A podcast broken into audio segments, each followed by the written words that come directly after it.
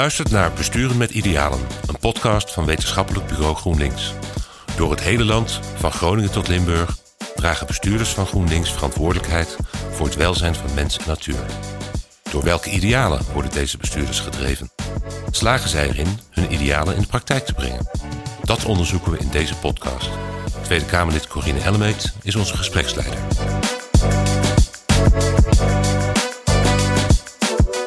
GroenLinks is gewoon ook een agrarische partij. We zijn niet alleen een, stad, een partij voor de stad met goede oplossingen voor armoede of gelijke kansen in de stad, maar we zijn ook een partij voor gelijke kansen op het platteland.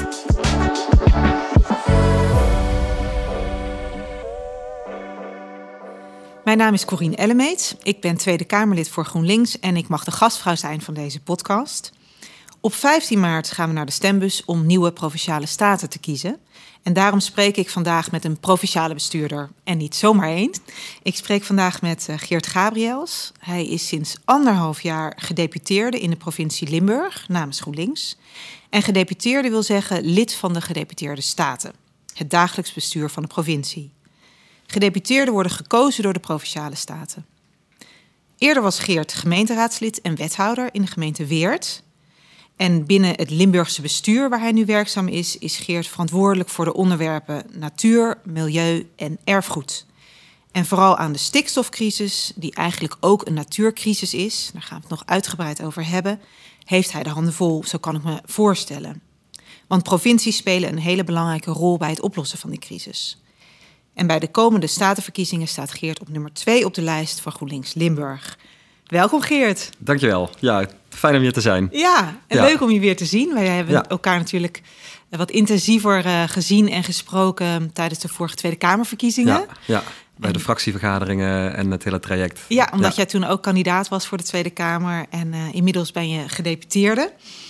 Uh, ik begin deze podcast vaak um, ja, meer met een vraag over wie jij, wie jij bent. En ben jij geboren getogen Limburger? Um, nou ja, vertel eens, wie is Geert? Ja, ik ben dus inderdaad een geboren en getogen Limburger. Uh, dat hoor je waarschijnlijk ook. Uh, ik ben 43, uh, getrouwd met Roy. Al zeven jaar geloof ik. Ja, en 13, nee, 16 jaar samen. En ik woon in Weert. Ik heb hier in Utrecht gestudeerd. maar ben wel altijd verbonden geweest met Weert en ook met Limburg. Ik spreek ook dialect, streektaal. het Limburgs, het Weerts. Ehm, op dat vlak ben ik een typische Limburger. Uh, nieuwsgierig, uh, aardwetenschappen gestudeerd. Uh, dat ook, kwam ook echt vanuit nieuwsgierigheid naar de wereld, naar mensen, naar uh, ja, natuurlijke processen. en ik ben nu nog steeds woonachtig in Weert en met mijn man dus. Ja, leuk. Geweldig. En woont jouw familie ook nog in Weert? Mijn zus woont in Utrecht en mijn ouders wonen in Weert. Ja, ja, nou, dus, gezellig. dus dat vind ik fijn. Zullen ze zelf ook wel fijn vinden? Het is gek hè, dat je dan ja, ik ben iemand, ik reis heel veel, ik ben geïnteresseerd in de wereld, maar ik ben ook iemand die heel honkvast uh, graag thuis is en in Weert is en daar lokale tradities ook allemaal volgt en zo. Ja, mooi, mooie combinatie. Ja. Je zegt je hebt aardwetenschappen gestudeerd. Ik kan me zomaar voorstellen dat niet iedere luisteraar weet wat dat inhoudt, die studie. Kan je daar iets over vertellen? Ja, ja je, hebt, je hebt sociale uh, geografie en je hebt fysische geografie. En dat gaat dan vooral over bodemkunde, klimatologie, uh, hydrologie, dus hoe water zich beweegt in de bodem.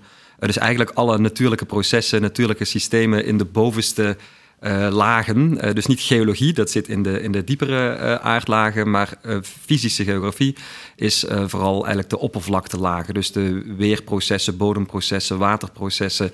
En dat heb ik hier in Utrecht, waar we nu zijn, gestudeerd.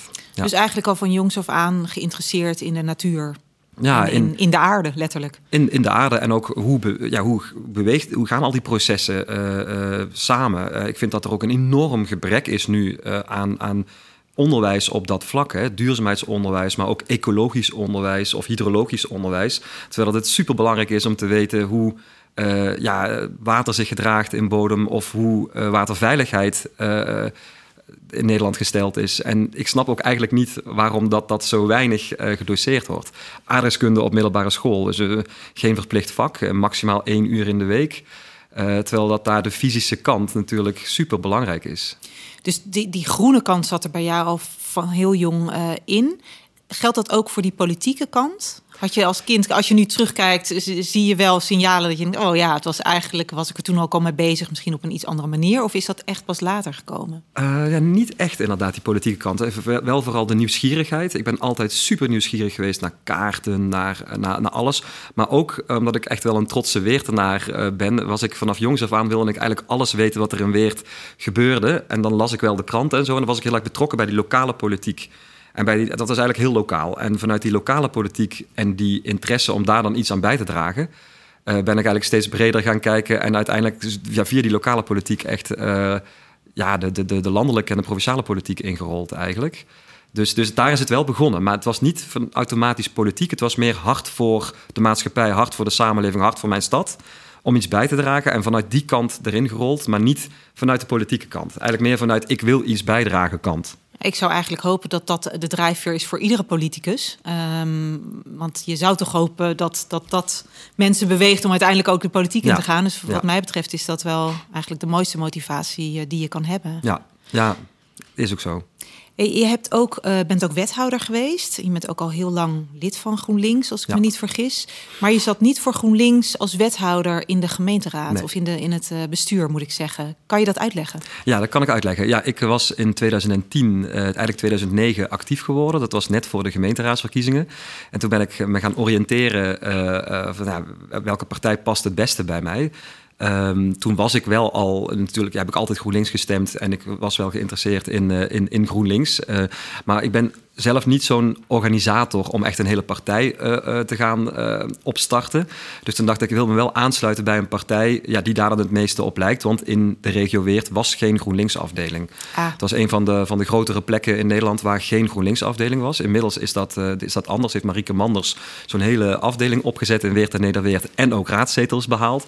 Um, maar ja, ik ben toen aangesloten bij de partij waarvan ik dacht, ja, die is het sociaalst en het progressiefst en het groenst.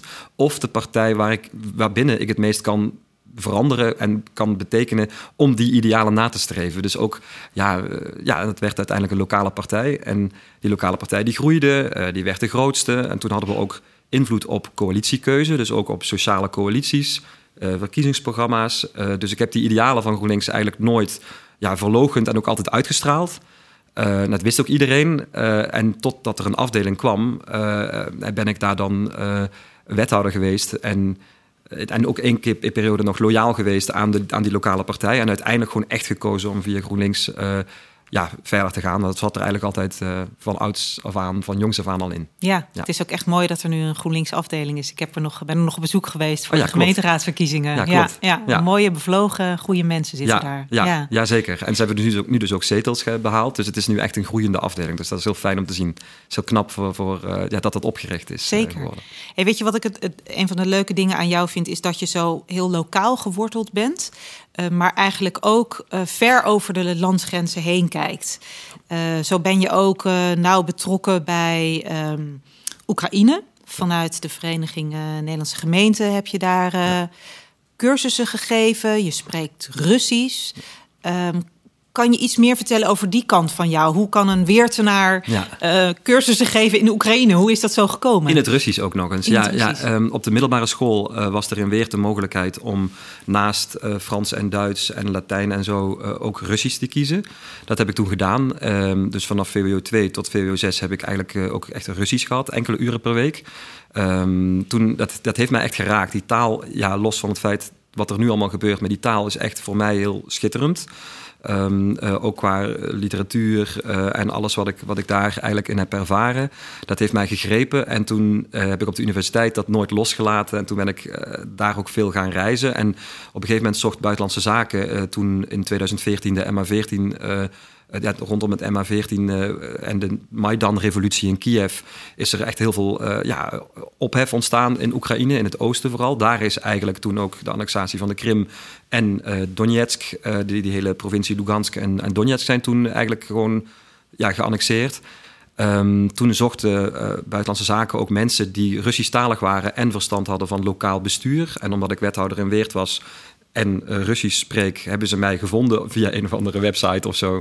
En toen ben ik gebeld en gevraagd of ik daar een rol wilde spelen in het eigenlijk het uitleggen van wat burgerparticipatie is. Omdat daar natuurlijk vaak top-down de overheid veel besloten heeft van, van oudsher, um, gingen wij eigenlijk daar naartoe om met geld vanuit Buitenlandse Zaken en het project eh, VNG International, samen met Pax, Pax Christi, om daar met, met ja, kleine bedragen burgerparticipatietrajecten te starten. door eigenlijk te vragen aan allerlei organisaties van wat willen jullie nou in jullie stad ehm, bereiken. En dat waren steden die in de provincie Donetsk lagen. Mm -hmm. um, of liggen nog steeds. dus de Oblast, provincie Donetsk.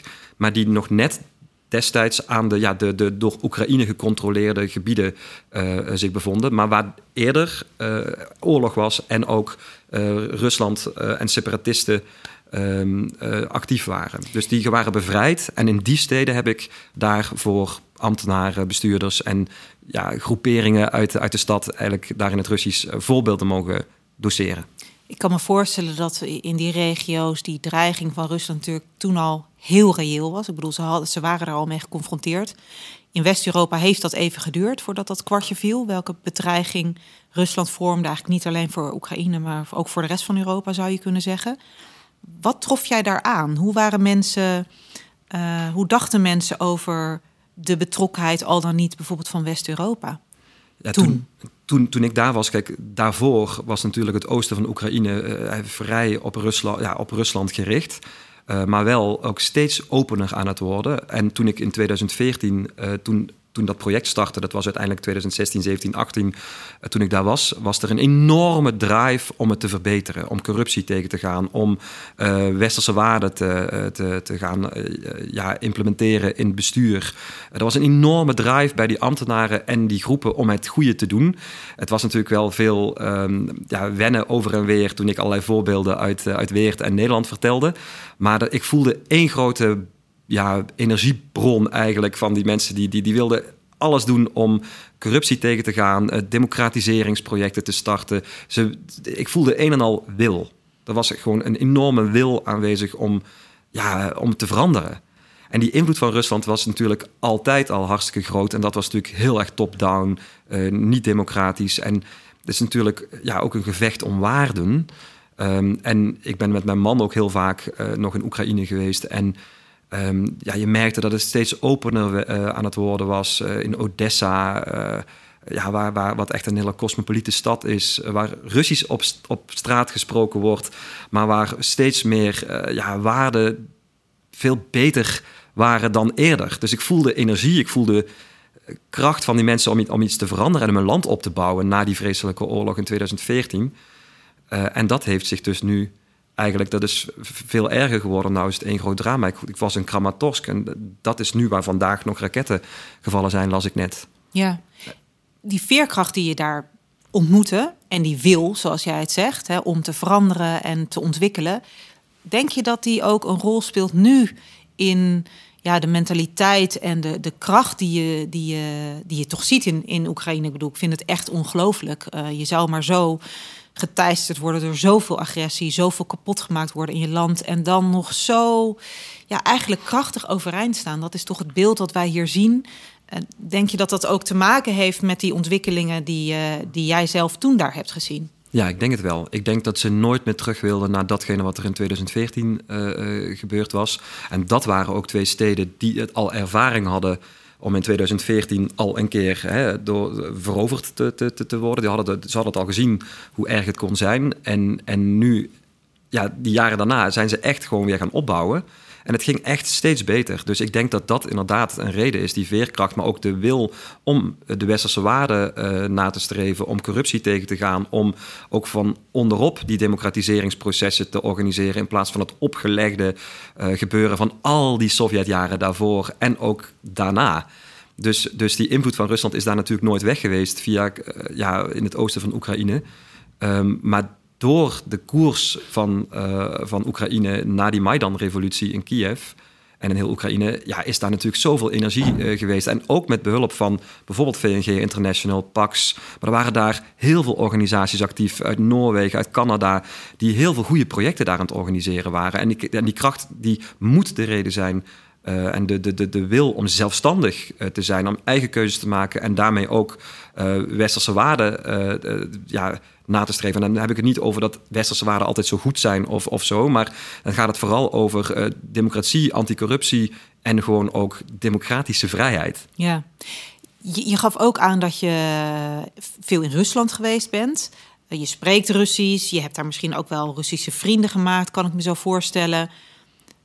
Wat doet dat nu met je? Ik kan maar, bedoel, we weten dat uh, lang niet iedere Rus het eens is met het beleid van Poetin. Sterker nog, dat er heel veel kritiek is. Uh, merk jij dat zelf ook? Onderhoud je nog steeds contacten? Um, uh, hoe, ja, hoe, hoe zijn jouw banden nu met Rusland?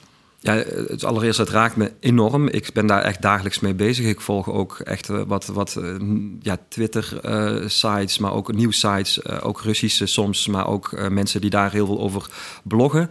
En het raakt me enorm. Ik heb daar, um, ja, ik ben nog 50 keer geweest, ook als reisleider. Uh, ik heb daar uh, vrienden wonen. Uh, ik ben er met mijn man uh, ook, ook vaak uh, geweest. om, gewoon om dat, om land te ervaren en ook de goede kanten die er zijn, ook te, te, te, te, te ervaren. Um, wat mij raakt is dat mensen die ik daar ontmoet heb, dat die eigenlijk in twee groepen te verdelen zijn. De mensen waarvan jij inderdaad net zegt, die, zijn, die zich schamen die eh, ja, westerse media ook zien en die het echt snappen wat er gebeurt en die echt ja, afgeven op, op wat er nu gebeurt.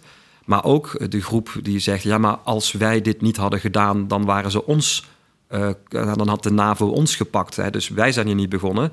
Hè, die dus helemaal in de, in de propaganda zitten. En dat raakt mij, omdat ik ook in Nederland groepen mensen zie die door dit soort informatiebronnen, die gewoon aantoonbaar onjuist zijn, um, eigenlijk gewoon gevangen zijn. En, en die dan ook nog eigenlijk de weerstand andersom het omdraaien. Ja, dat vind ik heel gevaarlijk. En dat, dat raakt mij omdat er dus ook mensen zijn die ik dus ken en die mij dus ook kennen en die ook weten dat ik in de politiek zit, toch op een andere manier zijn gaan bekijken elkaar. Ja. En er is dus een deel wat dus uh, ja, het, het begrijpt en zich schaamt en dat ook uit. En er is een deel die toch echt gevangen zijn. En dat zijn zelfs mensen die met twee mannen samenwonen. Of die dus gewoon als homokoppel samenwonen. Die dan zelfs zeggen, ja, maar dit is normaal. Dit is belangrijk dat wij onze eigen waarden verdedigen. En dan denk ik, ja, maar je kunt niet eens... Aan de andere kant zit je allerlei constructies te bedenken... om samen een kind te kunnen krijgen. Dus trouwen met een vrouw, daar dan uh, zwanger worden in ieder geval. En dan de ander, dan scheiden en dan de ander. En dan samen dat kind opvoeden. Ja. Dat soort rare constructies in allerlei openheid. En dan ga je dat toch ja. Ga je dat toch zitten verdedigen? Hoe ver zit je dan niet in de, ja, in de, in de propaganda of in de desinformatie? En dat, dat raakt mij enorm, dat ik dat als grootste probleem op dit moment zie in Amerika, in West-Europa. Op heel veel plekken is desinformatie maakt zaken kapot. Ja. En inderdaad, volgens mij is homoseksualiteit ook echt verboden in Rusland? Ja, het is, het is, het is, ik, in 2008 weet ik nog dat er echt openbaar in Sint-Petersburg echt hele straten waren waar vier of drie uh, gay cafés of, of uh, nachtclubs zaten.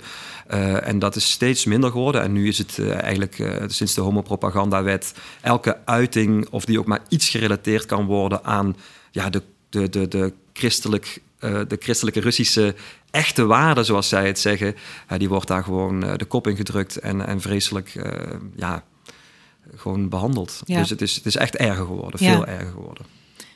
En ik denk ook dat jouw betrokkenheid laat zien hoe belangrijk het is om bruggen te blijven slaan, ook vanuit Nederland zij het als wethouder, zij het als gedeputeerde. We kunnen dat natuurlijk in allerlei rollen doen. Bruggen slaan naar andere landen die onder druk staan. En hen ook weer deelgenoot maken van onze eigen ervaringen en kennis die we hebben rond democratie. Zonder dat wij het altijd beter weten. Want die arrogantie moeten we absoluut uh, niet Zeker, hebben. want bij ons gaat ook van alles mis. En als je hier nou op straat rondvragen van heb je invloed op de lokale politiek, dan zeggen ze misschien nee, die doen toch maar wat ze zelf willen. Of, uh, of wat dan ook. Dus ik denk wel dat het belangrijk blijft om ook open te staan voor. voor ja, ik wil ook heel erg begrijpen waarom zij dan dus het anders zien. Ik, ik, ik snap er namelijk zelf niks van.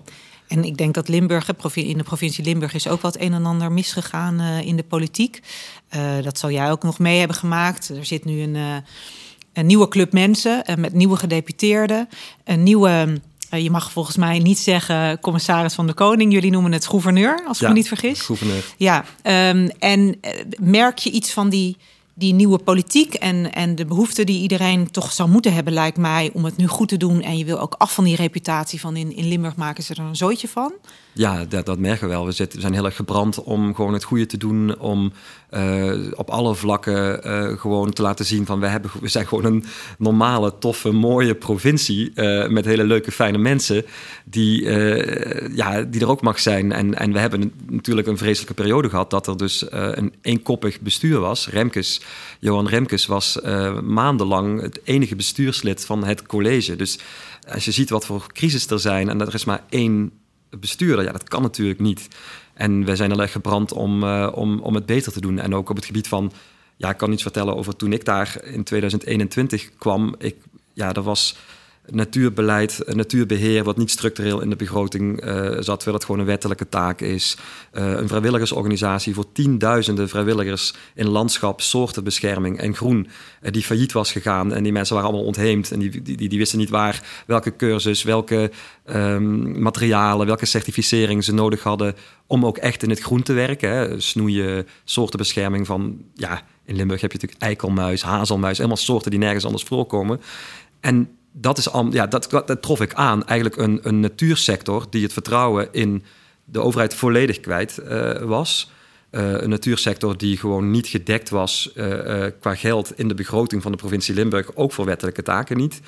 Um, ja, en dat, ja, ik dacht ook onmogelijk, dacht ik. Het zijn wettelijke taken die dan dus niet in de begroting staan. Dat is, ja, ik vond, ik vond dat heel bijzonder. En uiteindelijk is dat, ja, daar heb ik natuurlijk 100% voor ingezet. En heb je al resultaten daarop geboekt of, of, eh, of ben je er nog ah, mee bezig? Nee, ik heb daar uh, meteen, uh, ja, meteen daar heb ik, ik, kon er gewoon, ik kan het gewoon niet aanzien, bij wijze van spreken. Het gaat om de basisrandvoorwaarden van, van het landschap, het Zuid-Limburgse landschap. Uh, onder andere, maar ook uh, natuur, dieren die nergens anders in Nederland voorkomen. Dus, en dan ook nog vrijwilligers die eigenlijk maatschappelijk kapitaal vertegenwoordigen. Nou, dat, met een kleine subsidie moet je die gewoon helpen. Dan, dat, krijg je, dat kun je niet in geld uitdrukken. Dus ja, we hebben het natuurbeheer structureel in de begroting uh, weten te krijgen. Ah, dus dat is nu een structureel bedrag, dus dat gaat er ook niet meer uit. En ook die nieuwe organisatie voor uh, die tienduizenden vrijwilligers, die is op poten gezet. En die ga ik, als het goed is, 4 maart is de kick-off van het nieuwe steunpunt landschapsbeheer. Um, ja, daar ben ik wel heel trots op. Dat, dat die vrijwilligers, die weten dat ook. Die hebben nu weer een plek waar ze alles wat ze nodig hebben om in de natuur te werken, kunnen ze daar uh, qua kennis, qua materialen en uh, ja, makel- en schakelfunctie eigenlijk kunnen ze daar uh, krijgen. Dus daar ben ik heel erg trots op. Dus dat soort dingen zijn gewoon wel echt rechtgezet. En dat hebben we gewoon ook samen met het nieuwe college gedaan natuurlijk. Ja, dat, dat uh, Limburg is, is, is niet een, een, een linkse provincie. De, de meeste gedeputeerden zijn, zitten op de rechterflank, of misschien centrum voor een deel jij moest toch natuurlijk je positie wel bevechten. Ik kan me voorstellen dat er een beetje dat mensen een beetje nou ja, wantrouwend keken van wat gaat die, uh, die Geert allemaal uh, uitvogelen hier in de provincie. Het is je dus toch gelukt, zeg je, om een aantal grote stappen te zetten. Waar zit hem dat in? Hoe heb je dat voor elkaar gekregen? Ja, dat is echt een heel goede vraag. Want we hebben inderdaad een staten die dus inderdaad uh, met de grootste partijen, uh, CDA, PVV en destijds Forum, die nou uit elkaar gevallen zijn in allerlei, ja, in jaar 21 en zo, en een andere lokale partij. Um, dus dat is vooral de staten zijn daar ja, zijn vrij, zitten aan de rechterkant van, van het politieke spectrum. En daarom moet ik heel vaak balanceren, omdat daar een meerderheid zit. Uh, maar door uh, zaken te, te, kiezen, bijvoorbeeld die vrijwilligers, ja, daar was een algemene um, ja, meerderheid voor. En het is heel moeilijk om te zeggen, nou dat willen we niet. We willen die niet ondersteunen. Dus ik ben volledig op de zaken gaan. Uh, ik ben gewoon eigenlijk op de, ja, vanuit idealisme op die zaken gaan zitten die ik aangetroffen heb, die wettelijk zijn. Je kunt niet tegen wettelijke taken zijn. Je kunt niet uh, 10.000 vrijwilligers in de kou laten staan en, en voor het Limburgse landschap, voor het erfgoed, voor de identiteit van, het, van de Limburgers. Zo kun je op verschillende, verschillende groepen aanspreken. Uh, ja, zeg dan maar eens nee uh, uh, daartegen. dus dus nou, enerzijds heb, doe ik dat natuurlijk vanuit een andere intrinsieke waarde misschien dan iemand anders dat het Limburgse landschap wil beschermen vanuit een andere intrinsieke waarde. en dan die, die, die gemeenschappelijke waarde zien te vinden en daar dan volledig op inzetten. Dus dus kijk, er is nog nooit een GroenLinks bestuurder uh, geweest of in, in, in Limburg. Dus het was denk ik misschien wel even wennen ook voor, uh, voor anderen. Maar ja, je bent niet op alles van het een of van het ander. En je zit in een college met, met collega's waarin je toch na, al, na al die tijd van crisis, bestuurscrisis, ook gewoon samen het opnieuw moet doen ja, dan kun je natuurlijk wel wat ruimte pakken op plekken waar, waar, uh, waar het gewoon kan. Ja, dat kan, ik, kan, ik kan me ook voorstellen dat dat zo werkt inderdaad. Want iedereen wil ook uh, Limburg weer positief op de kaart zetten. En dat zou je uiteindelijk toch met elkaar moeten doen. Ik doe het heel duidelijk uit, uit alles wat jij zegt, spreekt jouw passie voor de natuur. En die zal misschien niet even sterk gedeeld worden door al jouw collega's. Gelukkig heb jij die wel. En die natuur wordt nu natuurlijk ook bedreigd door die stikstofcrisis. Heel veel mensen, als ze denken aan die stikstofcrisis, denken ze in eerste instantie aan de huizen die niet gebouwd kunnen worden, eh, de bedreiging voor de boeren, daar zullen we het zo nog over hebben. Maar het is ook een bedreiging voor de natuur. Ik kan me voorstellen dat dat ook in Limburg zo is. Jij weet veel van die natuur. Zie jij dat ook? Heb je de natuur zien veranderen de afgelopen tijd?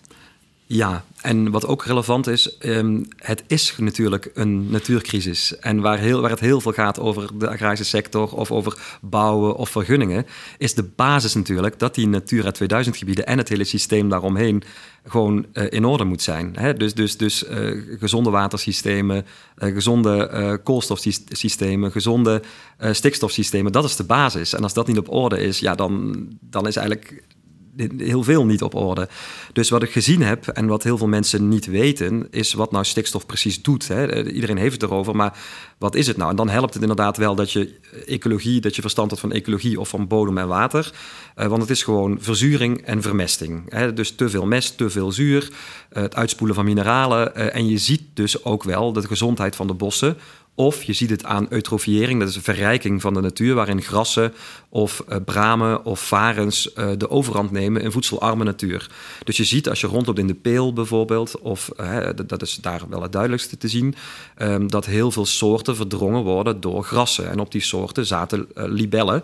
dus ook het aantal libellensoorten is drastisch afgenomen. Niet alleen een aantal, maar ook in aantallen soorten. Dus, dus um, kijk, heel veel mensen uh, zien niet, je kunt stikstof niet zien. Je kunt de gevolgen van stikstof wel zien. Hè? En je kunt ook klimaatverandering niet zien. Maar dat wil niet zeggen dat, dat het er niet is. Um, dus, dus wat je ziet is. is um, ja, een verarming. Al, verarming. Dus een, een, inderdaad een gebrek aan ja, diversiteitsafname.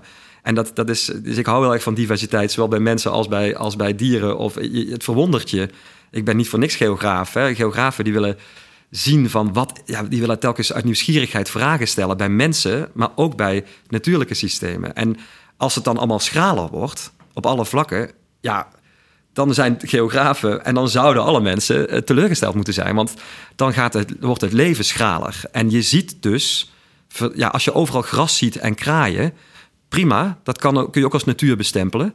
Maar de diversiteit is lager en dus ook je verwonderingszicht als mens. Ja, het is in die zin inderdaad natuurlijk een natuurcrisis. We weten ook allemaal dat de veehouderij een belangrijke oorzaak is van die uh, stikstofuitstoot uh, en die stikstofcrisis. Uh, alle boeren hebben van zich laten horen door het hele land. Dat liep best wel hoog op af en toe. Ik kan je zeggen, dat was ook in Den Haag soms het geval bij jullie ook. Uh, hebben ze ook het provinciehuis uh, weten te vinden. Maar toch was het, ja, gemoedelijk is misschien niet het woord, maar was het rustiger, de protesten uh, in Limburg. Hoe verklaar jij dat? Um, dat is moeilijk te verklaren, maar ik denk twee zaken. Ik denk dat het in de aard van de Limburger niet, ziet, niet zit om uh, flink op de trom te slaan. Um, van, ja, misschien bescheidenheid of zo, zodat het vaak valse bescheidenheid is of niet nodig is, omdat er, uh, om echt heel bescheiden te zijn. Dus dat denk ik dat het misschien niet in de aard zit. En aan de andere kant is er natuurlijk altijd een heel goed contact geweest um, uh, tussen de agrarische sector en ook Limburg. niet voor niks. Uh, ja, er zijn er altijd gesprekken geweest, uh, gebiedsplannen. Er is altijd al heel veel samengewerkt tussen verschillende partners in het veld. Dus het waterschap, uh, de LLTB, dat is dan een landbouworganisatie, en ook natuurorganisaties, die hebben in het veld al heel vaak samengewerkt. Dus um, toch de gemeenschappen, de samenwerking, de, de misschien kleinschaligere op het platteland daar. dat dat misschien de reden is geweest dat men toch meer vertrouwen heeft, of misschien had, maar ik hoop heeft, in, uh, in het provinciebestuur. Um, dat, is wat, dat, dat zijn de twee redenen waardoor ik denk dat het bij ons um, ja, milder is verlopen. Ja. Wat hebben die gesprekken met boeren met jou gedaan? Um, dat is ook een goede vraag. Ik kom heel vaak op, uh, op boerenbedrijven. Um, ik kom uit Weert. Weert is een stad in een gebied waar heel veel uh, agrarische economie is. Ik zie daar de leefbaarheidsproblematiek, uh, de, de, de geuren, de, de, ja, de verzuring van de peel bijvoorbeeld, of de, de, eutrofiëring, vermesting van de peel. Maar in die gesprekken um, heb ik wel ook echt um, armoede ook gezien soms bij, bij de agrarische sector, die dus vastzitten in leningen bij de bank of regels van de overheid die later teruggetrokken werden. Ik heb ook boeren gezien die keihard aan het veranderen zijn en er alles aan doen om, om mee te gaan, maar ook echt geholpen moeten worden. Ik heb er ook gezien die het allemaal eigenlijk maar belachelijk vinden. al die, die plantjes en die diertjes, waarom, waarom zouden we de beste, de beste innovatieve agrarische industrie van de hele wereld afschaffen, bij wijze van spreken. maar wat vaak gebeurde was dat ik aan tafel kwam, dat ze mij in eerste instantie um, lastig vonden, omdat ik natuurlijk ja, publiek van GroenLinks ben. En toen ik dan zei van ja, maar wacht eventjes, ik ben voor sluiting van Maastricht-Aken Airport en dat is ook ruimte voor jullie. Dat geld zouden we ook voor jullie voor agrarisch natuurbeheer kunnen inzetten, voor heggen, hagen, graften, landschapselementen. En dan zou je 10.000 euro per jaar kunnen krijgen voor 15 jaar lang. Of ik ben er van mening dat jullie hogere prijzen zouden moeten krijgen voor jullie producten, waardoor je in plaats van 150 koeien maar 75 koeien hoeft te hebben op extensief gebruik, maar wel dezelfde prijs. Of uh, ik zou jullie graag willen helpen op een andere manier om uh, te innoveren, extensiveren. En toen draaide heel vaak van hoe kan zo'n GroenLinkser nu zo oké zijn met deze sector? Die heeft nog goede ideeën ook. En ik, ik vind het eigenlijk wel oké om 10.000 euro per jaar te krijgen voor waterbeheer, landschapsbeheer, heggen, hagen, soortenbeheer. Want dat is een opgave. En ik hou ook van die natuur, zeiden heel veel agrariërs. Dus, dus, waar ik, dus er is heel veel beeldvorming. Uh, en op een gegeven moment dacht ik, ja, maar ik kom daar binnen en men ziet mij op een bepaald, bepaalde manier. Dat was andersom ook het geval. En dan kwamen we aan tafel eigenlijk tot de conclusie van, ja, maar u wil, wij willen ik wil u helpen om datgene wat we met z'n allen willen, namelijk schoon milieu, goed verdienmodel, maar wel op een, op een niet afwentelende manier, um, om dat voor elkaar te krijgen. En toen dacht ik, ja, maar wacht even, GroenLinks is gewoon ook een agrarische partij. We zijn niet alleen een, stad, een partij voor de stad met goede oplossingen voor armoede of gelijke kansen in de stad, maar wij zijn ook een partij voor gelijke kansen op platteland. Dan hoorde ik gisteren dat eigenlijk elke partij zeggen maar wij zijn het ook wel echt aan het doen. Uh, wij maken die keuzes dus wel om bijvoorbeeld te zeggen van het vliegveld gaat dicht en dat geld investeren we in het landschap en dus in boeren. Ja, en je hebt ook heel wat boeren over de streep getrokken om dan wel hun bedrijfsmodel te veranderen, dan wel te stoppen. Uh, er is natuurlijk een uitkoop geweest van boeren de afgelopen tijd. En als je dan kijkt naar de getallen per provincie, dan zie je dat jullie er echt bovenuit steken heb je meer geld neergelegd voor die boeren? Waar zat het hem in? Dat boeren in Limburg eerder bereid waren om uitgekocht te worden?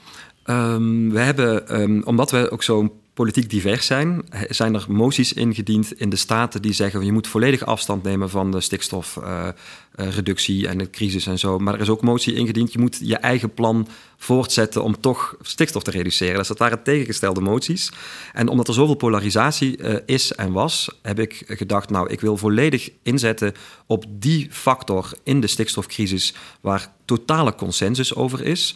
Van, van BBB tot Partij voor de Dieren en noem maar op PVV, iedereen vindt vrijwillige opkoop uh, oké. Omdat heel veel agrariërs zonder opvolger geholpen worden. Als zij 62 zijn, uh, zoon en dochter is gaan studeren, wil het boerenbedrijf niet overnemen. Wat doe je met je bedrijf met schulden?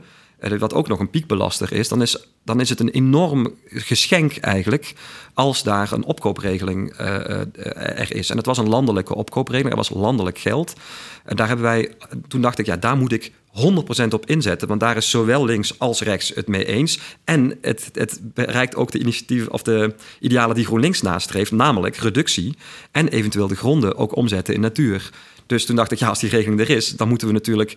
We hebben behoefte aan resultaat. We zitten al drie jaar te praten over stikstof, er verandert helemaal niets. En, en dit is het enige wat nu loopt waar je concreet resultaat kan boeken. Het land heeft behoefte aan een stap. Al is dat één agrariër, het is, het is iets. En uh, toen hebben we volledig ingezet op fiscalisten en juristen om contracten te kunnen ondertekenen en de regeling die van het Rijk kwam zo goed mogelijk uit te leggen, zodat agrariërs zo goed mogelijk de kans kregen om die moeilijke keuze te maken. Na zo'n uh, zo'n ja, dus zo'n beslissing maak je niet zomaar. En als er dan ook nog allemaal onduidelijkheden zijn, ja, dan ga je die keuze niet maken. Dus we hebben heel erg ingezet om met dat team op het erf uh, de contracten uh, te helpen uit te leggen wat de landelijke regels waren, hoe, hoeveel geld ze zouden krijgen conform die landelijke regeling. En juist daar volledig op inzetten. Dat heeft dus anderhalf jaar geduurd met een team van tien mensen. Maar dat wilde ik zo graag, omdat je dan in ieder geval kunt aantonen dat er iets mogelijk is. Je hebt een stap gezet, anders gebeurt er helemaal niets in, op dit moment in dit land. En dat zien we landelijk natuurlijk, zien we het wel weer vertragen. Uh, Ik denk dat we het er allemaal wel over eens zijn dat Christiane van der Wal een hele moedige politica is en duidelijk is. En toch zie je dat het, nou ja, in het kabinet en misschien ook met de andere minister van Landbouw, eh, dat het allemaal lastig, lastig is. Jij hebt hele grote stappen gezet. We hebben je ook wel in de landelijke media kunnen uh, horen en, uh, en lezen. Best spannend, kan ik me voorstellen. Ik bedoel, je bent rustig bezig in Limburg en in één keer ben je een landelijk gezicht voor die stikstofaanpak. Heb je dat zelf ook als spannend ervaren? Waren er wel momenten dat je dacht, waar ben ik aan begonnen? normaal gesproken ben ik best wel snel gespannen. En ook eh, vind ik al heel veel dingen spannend. Maar ten aanzien van stikstof is dat helemaal niet het geval geweest. Omdat ik A, snap wat stikstof doet met de natuur. B, denk dat er een oplossing is waarbij die ook nog totaal past bij idealen van GroenLinks. Door en boeren te helpen en ervoor te zorgen dat natuur, uh, het hoeft niet tegenover elkaar te staan. En dat ik dacht, nou ja, ik snap dit gewoon ik ben hier eigenlijk helemaal niet. En ik zie andere mensen het niet snappen. Uh, ja, dat, dat bracht minder onzekerheid uh, bracht dat met zich mee. En ik kan ook nog vrij spreken tegen pers of wat, wat ik vind, omdat in Limburg mensen achter de vrijwillige opkoopregeling staan en wij een lijst hebben met ongeveer ja, 150 mensen die vrijwillig willen stoppen waarvan ook zeker enkele piekbelaster zijn. Dus toen dacht ik, ja, als ik dat kan doen en ik help die mensen ermee...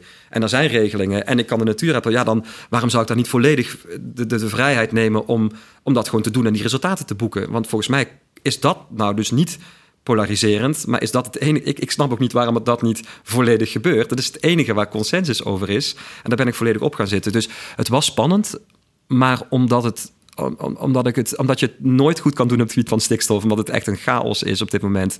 Uh, en ik het relatief goed beheers, zowel qua inhoud als uh, qua wat, ja, wat mogelijk is, uh, heb ik me daar eigenlijk minder gestrest of gespannen in gevoeld dan ik normaal gesproken wel eens heb. Het laat ook zien, denk ik, hoe belangrijk kennis is. dus dat je moet natuurlijk aan de ene kant een generalist zijn als politicus. Maar eh, de vraagstukken tegenwoordig zijn zo complex. Of het nou gaat over, uh, over stikstof of over. Vergunningsverlening. Ja, of over heel andere terreinen. De zorg zit ik zelf dan natuurlijk in. Dat, dat uh, kennis helpt wel echt om je werk goed, uh, goed te kunnen doen. En ja. dan heb je natuurlijk je hele ambtelijke apparaat voor. Maar nou ja, als je zelf al weet, niet afgeschrikt wordt door allerlei termen bijvoorbeeld, dan kan ik me voorstellen dat dat helpt. Heb jij ook contact met uh, gedeputeerden uit andere provincies die stikstof in de portefeuille hebben. Zoeken jullie elkaar op? Want jij bent natuurlijk niet de enige die hiermee worstelt en hier stappen in moet zetten. Ja, we hebben in provincies, zoals je bij gemeenten heb je Vereniging Nederlandse Gemeenten. Zo heb je bij provincies heb je IPO, interprovinciaal overleg. Dan heb je een BC, bestuurlijke commissie uh, stikstof. Een uh, BC over ruimte, wonen, water, noem maar op. Het is er allemaal. En die stikstofcommissie die komt echt non-stop bij elkaar. Die heeft ook uh, echt wekelijks aan de laatste tijd echt twee, drie keer per week. En die hebben ook overleggen met de minister. Dus de brieven die uitkomen, die worden daar soms uh, uh, voorbesproken of getoetst van hey, wat vinden die provincies daarvan. Dus als, wij, als, als de minister met een brief komt, mevrouw van der Wal komt met een brief en wij zullen als provincies vervolgens kraken wij die volledig af, ja, dan is de positie van die brief natuurlijk uh, zwak. dus daar wordt alles afgetast. Wij werken daarin samen. Daar zit één mede GroenLinkser in, uh, en Anita Pijpeling van de Partij van de Arbeid uit, uit Zeeland. En Edward Stichter uit Noord-Holland. de rest van de gedeputeerden daar is van CDA-huizen, SGP-huizen en ChristenUnie-huizen en VVD-huizen. Dus wij moeten daar ook een, ja, het is daar ook een, een, een discussie tussen provincies. Um, over, ja, Friesland is bijvoorbeeld vooral een, een, provincie met veel koeien. Hoe ga je dan om met uh, klimaatopgaven uit, in de landbouwsector? Um, Limburg heeft 24 Natura 2000 gebieden, het meest van heel Nederland, maar kleine snippers. Veluwe is weer een heel groot uh, uh, natuurgebied.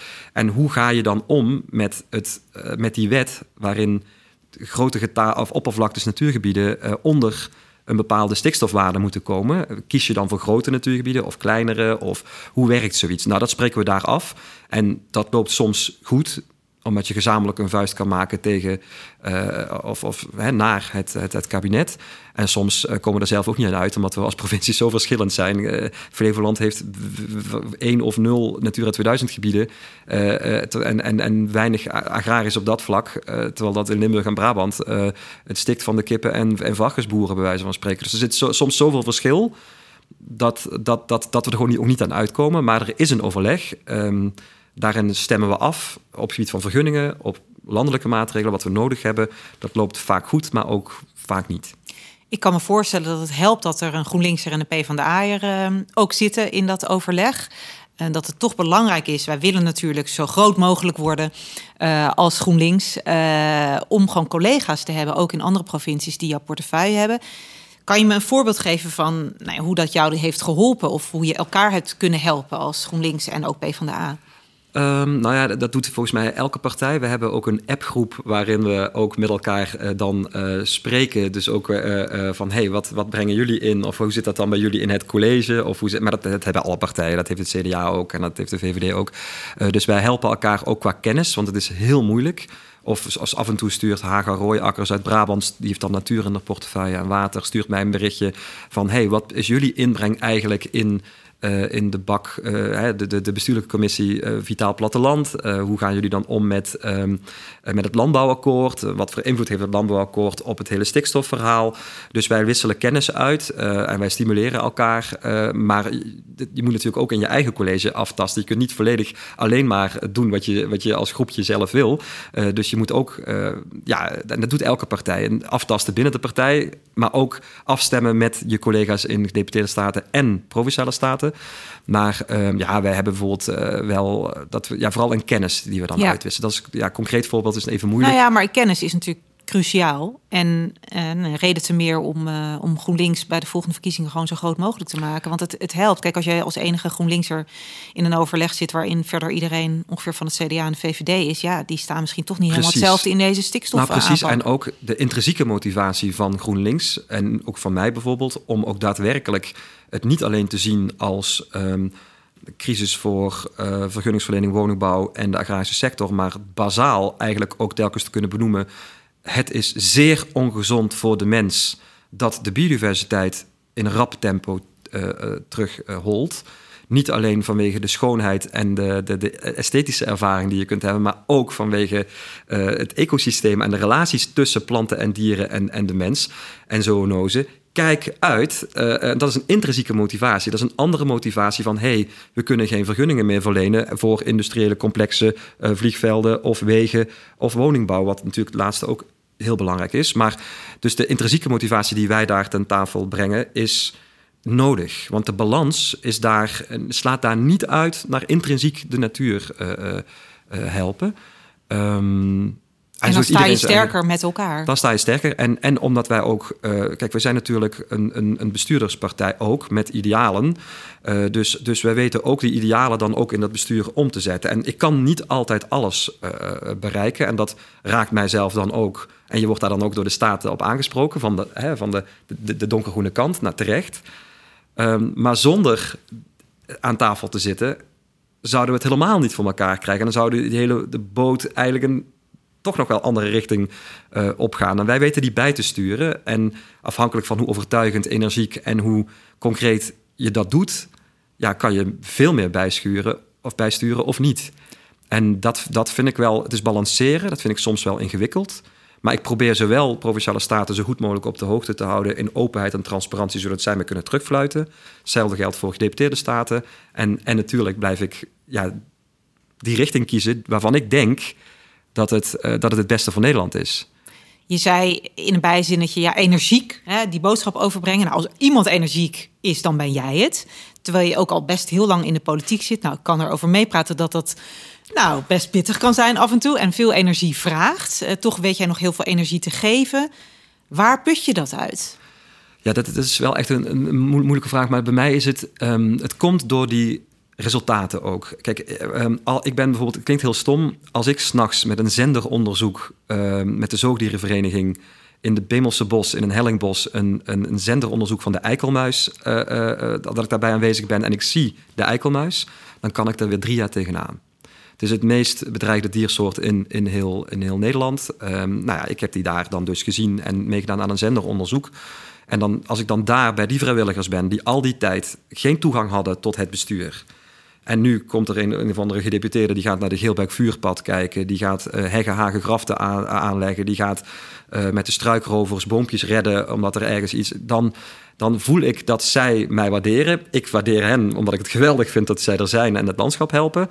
En daar krijg ik, misschien is dat dan een beetje, ja, daar krijg ik energie van.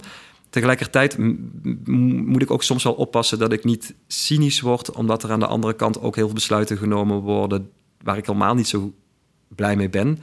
Uh, Kap van het Sterrenbos bijvoorbeeld. Uh, waar ik ook helemaal geen... Ja, dat is voor onze tijd gebeurd. Maar dan...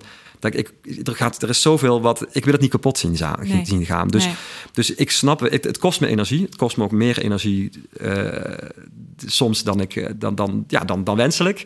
Maar aan de andere kant, door waarvoor ik strijd... en omdat ik het redelijk kan uitleggen, denk ik krijg ik energie van de mensen die zich gesteund voelen, maar ook door het zien van die dieren, uh, het zien van, van die landschapsvrijwilligers die nu wel weer uh, in het landschap bezig kunnen zijn, uh, aan tafel bij boeren, die dan toch door een GroenLinkser uiteindelijk ook geholpen zijn eh, om verder te gaan nadat dat ze vrijwillig een, ja, een opkoopregeling hebben deelgenomen en dus ook verder kunnen met hun leven, dat ze die keuze gemaakt hebben ja, en ik wil eigenlijk ook die tegenstellingen ook beslechten. En daar krijg ik dan ook wel uh, energie van. Ja, en dus genoeg, genoeg energie om door te gaan. Want je bent de nummer twee op de lijst, ja, waar zeker. we heel blij mee zijn. Uh, het is al verkiezingstijd, al een beetje. Het gaat natuurlijk nog spannender worden de komende weken.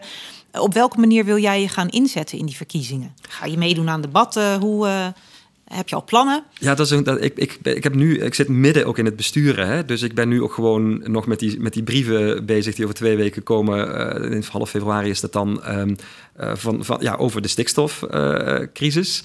Um, daar zet ik me volledig uh, voor in. En tegelijkertijd ben ik ook wel bezig met datgene wat ik bestuurlijk doe en bereikt heb. Om dat dan misschien ook wat meer naar buiten te brengen. Zodat ook GroenLinks en ook mensen weten van... hé, hey, die bestuurder is van GroenLinks. Die vind ik dat het redelijk doet. Daar wil ik op stemmen. of op die partij. Of, en ik denk dat wij zijn de grootste progressieve partij in, in Limburg nu. Hè? En ik vind het wel niet meer dan belangrijk of op zijn minst... ja, wij moeten dat blijven, want... Uh, het is nodig. De balans is zoek. En ik, wat ik doe nu is gewoon eigenlijk wat ik altijd gedaan heb. Zichtbaar zijn. Ik ga, ik ga ook gewoon carnaval vieren waar ik heel veel mensen tegenkom. Ik, doe, ik ga eigenlijk niks anders doen. Behalve dat ik het wel ga linken aan, uh, aan het feit dat ik op de lijst sta. Het feit dat we door moeten. Het feit dat de resultaten geboekt zijn. En dat we dat nog vier jaar verder willen uh, uitrollen. Want we zijn eigenlijk pas net begonnen, die anderhalf jaar. Ja, en je klinkt echt vol vertrouwen. Ja, ja, ja, eigenlijk wel. Ik, ik, ik denk, ik had het niet beter kunnen doen, denk ik, de afgelopen anderhalf jaar. Uh, en ook uh, met de lijst die we hebben en, en hoe wij constructief in de wedstrijd zitten en toch uh, behoorlijke resultaten boeken. Daar heb ik heel veel vertrouwen, ja. ja. Dat lijkt me een hele mooie afsluiter. Dankjewel voor het gesprek. Dankjewel, dankjewel.